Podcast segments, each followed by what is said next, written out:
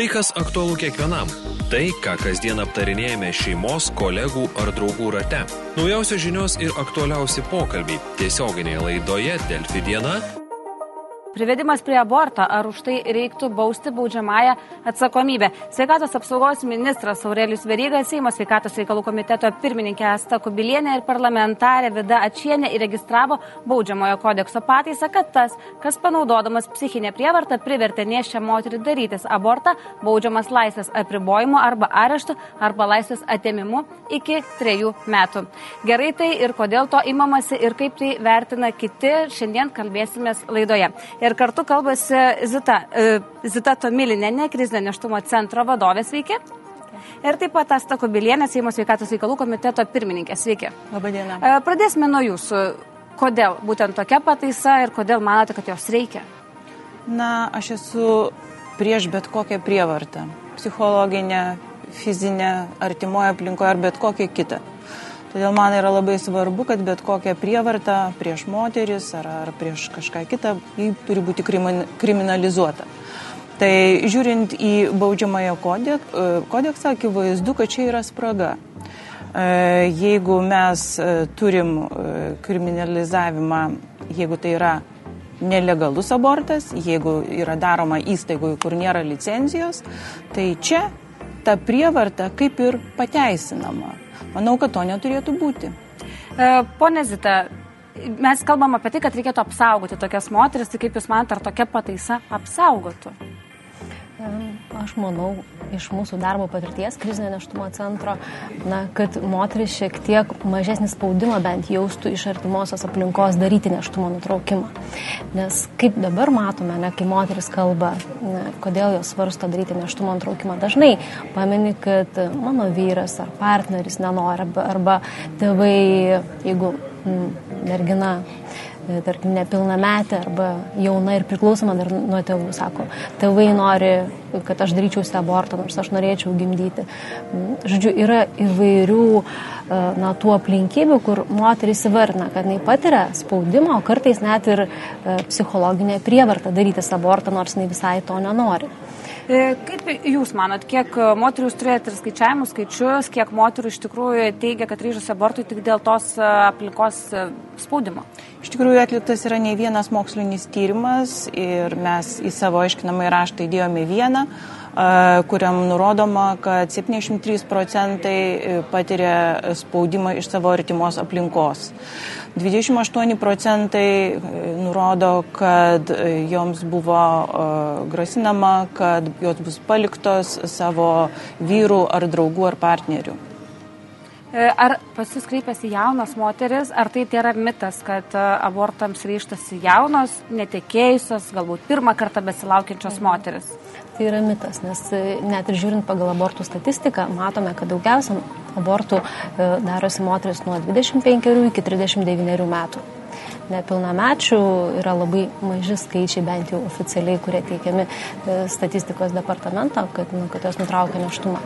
E, taip pat ir iš mūsų centro patirties, na, jau apie 2000 moterų kreipėsi per mūsų gyvavimo metus ir iš tikrųjų dauguma na, įvardina būtent partnerio spaudimą arba nenorą turėti vaikų. Vieni partneriai sako, e, na, tavo reikalas, tu daryk kaip nori, ar ne.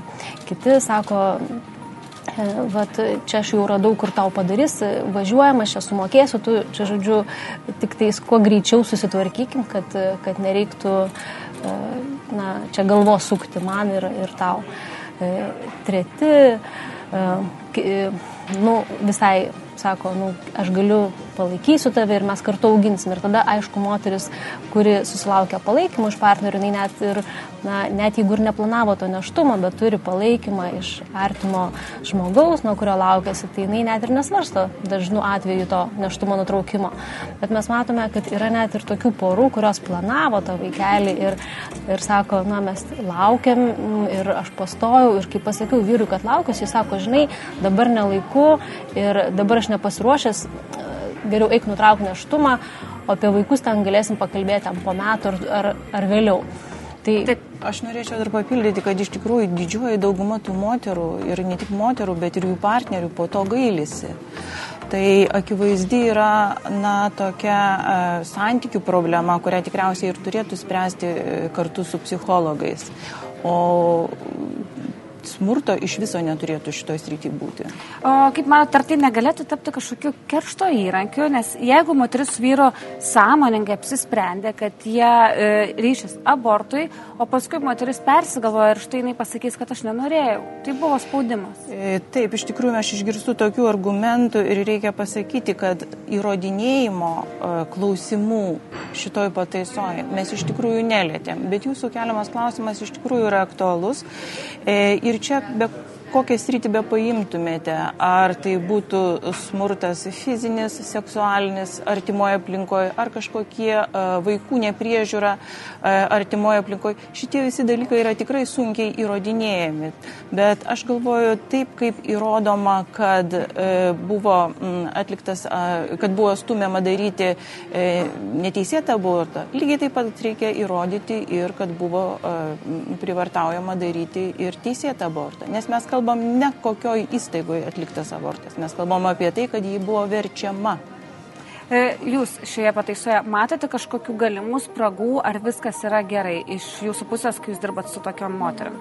Aš manau, kad moteris apskritai bijo kalbėti apie, apie tai, kad jos laukėsi, kad neplanavo, kad kažkas nenori to vaikelio. Tai, e, tai nemanau, kad dabar pradės moteris masiškai kreiptis dėl to, kad vat, jas vertė. Bet bent jau kažkiek jausis saugesnės galbūt, arba bent artimieji ne, nesijaus tokie geradariai, kaip dabar kartais jaučiasi. Sako, tu eik greičiau susitvarkyk, kam čia tos problemos. Ir jie galvoja, kad jie tai palaiko moterį, ar ne? Tai jeigu įstatymu bus pasakyta, kad tu negali versti, psichologiškai šantažuoti, darytis moters aborto, tada ir jų suvokimas, ką, koks jų vaidmuo turi būti, bus visai kitoks. Nes iš tikrųjų nešiai moteriai, ko reikia? Jai reikia palaikymo, padrasinimo, supratimo, iš artimųjų sakymo, nu, mes tau padėsim, tu ne viena. O ko, ko jos dažnai susilaukia? Sako, nu čia tavo reikalas, tu spręs, e, pati prisidirbai, pati rauginsi, tai geriau eik susitvarkyk kuo greičiau Ir vat tas toks. Ar tokios ujimas... moteris kreipiasi pas jūs ir jos prašo pagalbos pasikalbėti, galbūt su kažkuo tiesiog pabūti? Taip, tai būtent va tokios moteris, kai jos nesulaukia artim, iš artimųjų supratimų ir palaikymo, ieško kitur. Ir susiradę krizinio neštumo centrą, jos skambina arba rašo laiškus, e, arba ateina į gyvą konsultaciją ir, ir viską išpasakoja, kas jų, kas jų gyvenime vyksta, kokia yra situacija, kodėl jos pradėjo svarstyti neštumo nutraukimą. Ir dažna na, įvardina būtent tą ne, nu, artimo žmogaus nenorą, kad jinai gimdytų. Ir jinai bijo būti. Kiek moterų iš tikrųjų persigalvojo, ryžosi gimdyti, e, per, jūs sakėte apie 2000 moterų nuo jūsų gyvavimo pradžios centro, mhm. tai ar skaičiauti, kiek pavyko išgelbėti gyvybių tiesiog bendraujant su žmonėmis? Visų pirma, e, iš tų 2000 moterų dalis kreipėsi dėl to, kad jau patyrė persileidimą arba jau patyrė neštumo antraukimą. Tai negalima sakyti, kad visos, kurios kreipėsi, turėjo situaciją, tarkim, neplanuoto neštumo arba planuoto, kuris tapo krize dėl kažkokių pasikeitusių aplinkybių. Bet mes žinome, kad gimė 300 e, vaikų per, per to šešerius metus. E, ir moteris pranešė, ir, ir kadangi mes teikiam pagalbą tiek viso neštumo metu, tiek dar porą metų po gimdymo, tai dažnai jos jau ateina ir su vaikais, ir, ir ten gauna visko, ko reikia vaikui, ir vežimėlį, ir lovyti, ir drabužėlių, kartais ir finansinę paramą. Tai vad tą paramą šiaip turėtų artimieji suteikti, turėtų vyras, nuo kurio laukėsi užtikrinti, bet kadangi ne visi vyrai labai džiaugiasi žinia, kad moteris laukėsi ir ne visi nori prisimti atsakomybę, tuomet, kai jinai nesulaukia to palaikymo, kreipiasi į, na, į kitus ir mūsų organizacija tam ir sukurta, kad padėti sunkiose tose situacijose nešioms moteriams. Ir Ar mes kalbėdami apie bausmes, apie baudas, e, iš tikrųjų vėl nepradedame spręsti problemos, ne, ne iš tos pusės? E, gal reikėtų pradėti kalbėti apie tai, kad gal tokių centrų mums reikia daugiau, gal reikia bendrauti su moteriams, suteikti joms psichologinę pagalbą ir tik paskui svarstyti, ar mums iš tikrųjų reikia imtis baudžiamojo kodekso ir galvoti apie bausmes. Tai tikriausiai būtų klausimas atgal, ar mes pritarėme smurtui Manau, kad mes smurtui nepritarėme ir jisai turi būti kriminalizuojamas. Bet tai, ką jūs sakote, iš tikrųjų jau ir vyksta.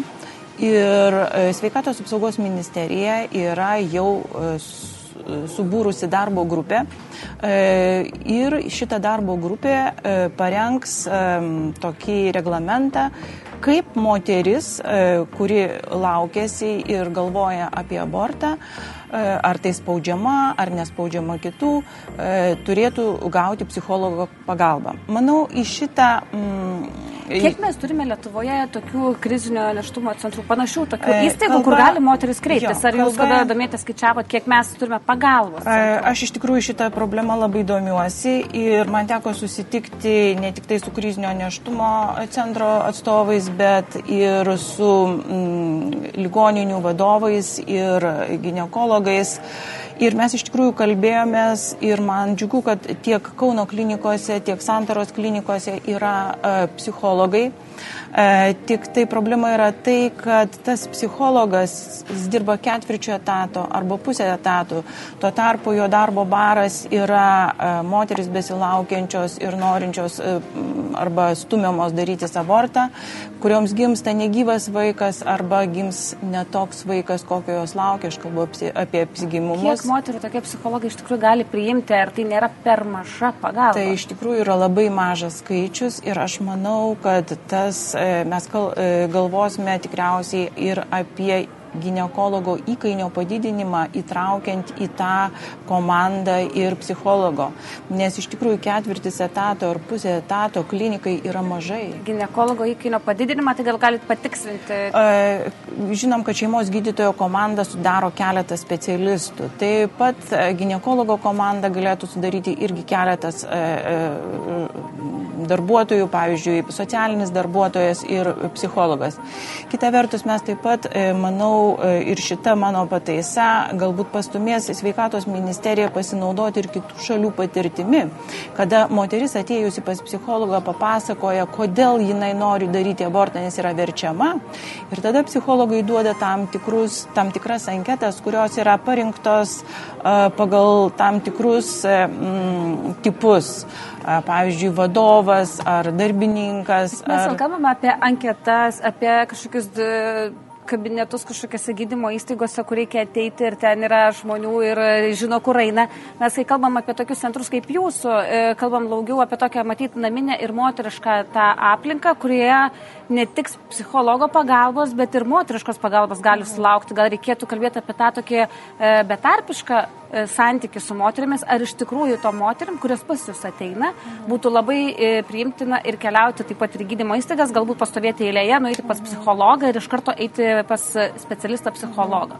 Aš manau, kad pagalbos prieinamumą reikia na, moteriams, kurios išgyvena dėl neplanuoto neštumo arba planuoto tapusio krize, tą pagalbos prieinamumą reikia didinti ir visais būdais ir poliklinikose, ir ligonėse, ir krizinių neštumo centrų plėtra turėtų būti visoje Lietuvoje. Kiekvienas miestas ir miestelis turėtų turėti tokį, e, na, Bet ne tas anketos centrą. pildymas, man reikėtų atvykti pas psichologą, dar pildyti anketą. Ne, tai, Aš skaičiu, žinot, kažkaip per daug. Ne, tai iš tikrųjų anketos, tai anketa tai čia... yra skiriama uh, tam žmogui suprasti, kad jis daro neteisėtus veiksmus.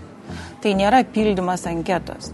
Aš ką sutikčiau su jumis, tai kad moteris iš tikrųjų e, turėtų nuo to momento, kada gydytojas supranta, kad yra krizė, vesti ją už rankos ir padėti jai ją įveikti. Nes pasakymas, kad jūs dabar užsirašykite pas psichologą ir nueisite ten, kai bus laiko jums ir gydytojas galės priimti, problemos neišsprendžia. Mes tą patį galim pasakyti savižudžiu, jūs užsirašykite pas e, psichologą. Akivaizdu, kad jis nenueis. Tai čia yra subtilūs dalykai ir manau, kad e, tą sureglamentavus ir įdėgus iš tikrųjų situacija keistųsi. Grįžtant prie jūsų, kokia forma turėtų jūsų nuomonė būti suteikiama ta pagalba? Aš galiu papasakoti, kaip na, mes teikiam pagalbą. Pirmiausia, mes bandom išklausyti tą moterį. Jeigu jinai paskambina telefonu, kartais jinai net nepasako savo vardo, nes jinai nori iš, išsaugoti na, savo anonimiškumą, bet jinai na, pradeda pasakoti, kokia yra jo situacija ir mes tada bandom suprasti, išklausyti, padėti jai susigaudyti, kas vyksta ir kokios negalėtų pagalbos susilaukti ar iš mūsų, arba iš kitų organizacijų. Ir aišku, jeigu moteris įvardina, kad jinai patiria prievartą namuose arba ją kažkas verčia daryti abortą, tai tas jau yra na, toks ryškus signalas, kad tikrai reikia kuo greičiau tą moterį gelbėti, nepalikti jos vienos kovoti su, na, su tuo smurtu artimoje aplinkoje. Kartais moteris sako, man e, draugas sako, arba kraustikis, e, arba eik daryti abortų ir sako, ką aš viena gatvėje su vaiku, nu tai jo, tai aš neturiu kitos išeities. Tada, aišku, mes sakom, mūsų centras galėtų suteikti jums gal laikiną gyvenamą vietą, parūpinti ar tam padėti išsinuomoti būtą. Mes atsižvelgdami į moterį situaciją bandom na, rasti tą tokią pagalbą, kad jinai nesijaustų viena ir jinai atrastų jėgų ištverti šitą krizę. Bet, manau, šito įstatymo dėka na, bus truputį... Mm, kaip edukuojami tie artimieji, kurie dabar, jie gali bet kokį spaudimą daryti moteriai, daryti abortą. Jie gali ją versti ir jiem nieko negresia. Na, ir jie įsivaizduoja, kad jie čia na, laisvi daryti blogį ir niekam, na, niekas jų nenubaus. Tai šiuo atveju, kad jie išmoktų ta prasme, galvoti, ką jie sako nešiai moteriai, ką jie daro. Jeigu jie, jeigu jie ten nuveža, tarkim, tėvai per prievartą pas gynekologą, kad padarytų jai abortą prieš jos valią, tai argi tai yra tėviška meilė ar ne ir gėris? Ne, tai nėra. Tai reiškia, turėtų pirmiausia na, būti psichologo pagalba suteikiama tiek tai merginai, tiek tiems tevams. Dabar yra tokia situacija ne, ir kaip mes galime atrasti kitus būdus, nes abortas yra kraštutinis būdas ir dėl to jo siūlyti iš karto, kai moteris neplanuotai pastoja, nereiktų. O dabartiniai, na, mūsų visuomenė ir supratime yra, kad, ai, neplanavai, nu tai eik susitvarkyk. Tai ir, na, ir šitą tokį požiūrį reikia keisti. E, jūs sakėt, domėjotės irgi taip pat šią temą ir tom e, problemom, su kuriam susiduria moteris. Gal jūs galėtumėte, e, tikrai mitas sklando, kad tikrai tos jaunos merginos kreipiasi. Tai gal galim paneigti mitą ir gal galite apipasakoti tą portretą moters, kuri dažniausiai darosi abortą Lietuvoje. Kaip aš suprantu, tai kiek vat, man teko bendrauti ir su krizinio neštumo centru ir lankytis jame, paprastai, kaip jau buvo minėta, tai yra 25-35 metų moteris, gimdanti antrą, dažniausiai ir trečią vaiką ir galbūt gyvenanti ne pačiose geriausiose sąlygose, bet turinti tam tikrą darbą ir turinti dažnai kur gyventi, bet kaip ir buvo minėta, iš tikrųjų yra grasinama, kad tu atsidursi gatvėje, kad tu, aš tave paliksiu, ką tu tada darysi ir panašiai. Tai vat, maždaug būtų toks, toks portretas tos Mes, moters. Atsiprašau, turėjom tokį atvejį, kada iš tikrųjų na, vyras su žmona gyveno, turėjo du vaikus, moteris trečio pradėjo lauktis ir vyras sako, žinai, eik daryti aborto, nes mūsų santykiai pašliai, vis tiek mes kartu negyvensim. Jis sako, nu aš nenoriu daryti. Sako, nu tai tada nematysi šitų vaikų, aš tada atimsiu iš tave šitus vaikus. Ir jinai tada galvoja, nu ką dabar man daryti aš kaip ir noriu šitą vaiką gimdyti, bet kaip aš galėsiu gyventi be tų. O tas vyras jaučiasi, na, kad jis yra padėties šeimininkas, gali grasinti, e, gali šantažuoti ir, ir, ir taip priversti ją daryti tai, ko jis nori, o ne ką na, jinai norėtų daryti. Tai kad apsaugoti moteris nuo, nuo tokios prievartos.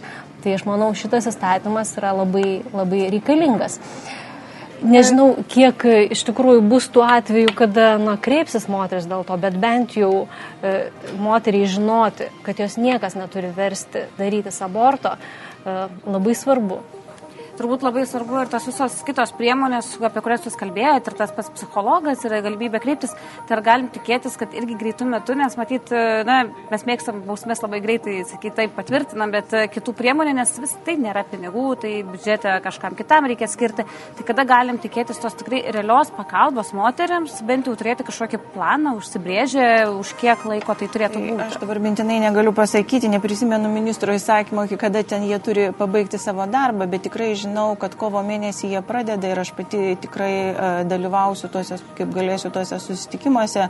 Tai aš manau, kad per keletą mėnesių turėtų būti baigti darbai ir nustatyta tvarka, kaip yra suteikiama pagalba moteriai ištikus e, kriziniam neštumui.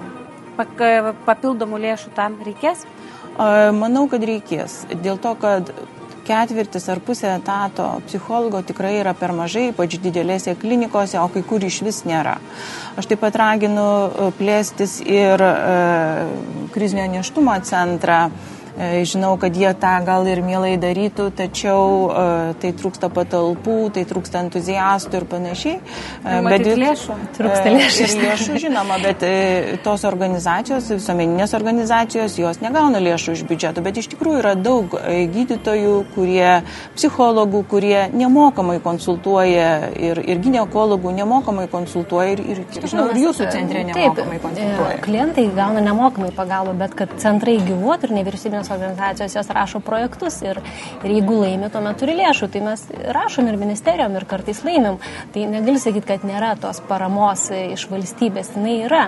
Aišku, jinai yra minimali, didesnė yra iš privačių asmenų ir, ir, ir iš kai kurių kompanijų ir labai mes dėkingi už tą paramą, kad jie paremdami centrą gali na, leisti e, tom nešio moterim ar ir vyram, kurie išgyvena dėl moters e, krizinio neštumo kreiptis ir gauti pagalbą. Vienas nemokamai. vyras per jūsų šios taip, e, taip. keliarius metus kreipėsi. Taip, kreipėsi ir e, vyrų na, per tuos šešerius metus turėjom gal apie 50 vyrų, kurie kreipėsi. Dėl to jie kreipėsi? Labai skirtingai. Vieni kreipėsi dėl to, kad jų draugės arba žmonos laukėsi ir jos nori daryti abortą. O, o jie norėtų, kad ta moteris gimdytų ir sako, aš galėčiau ir pats užauginti vaiką. Kiti vyrai kreipiasi galvodami, kad mūsų centras atlieka abortus ir nu, nori užrašyti moterį abortui.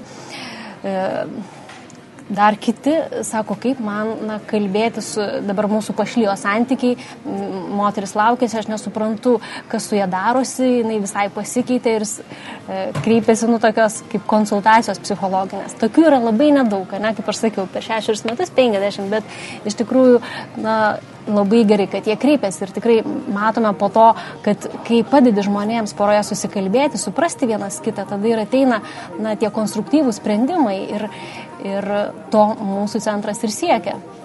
Ačiū Jums labai, kad buvote čia kartu su mumis kalbėjęs Asta Kobilienė, sveikatos reikalų komiteto pirmininkė. Ačiū, kad atvykote ir taip pat Zita Tomilinė, krizinio neštumo centro vadovė.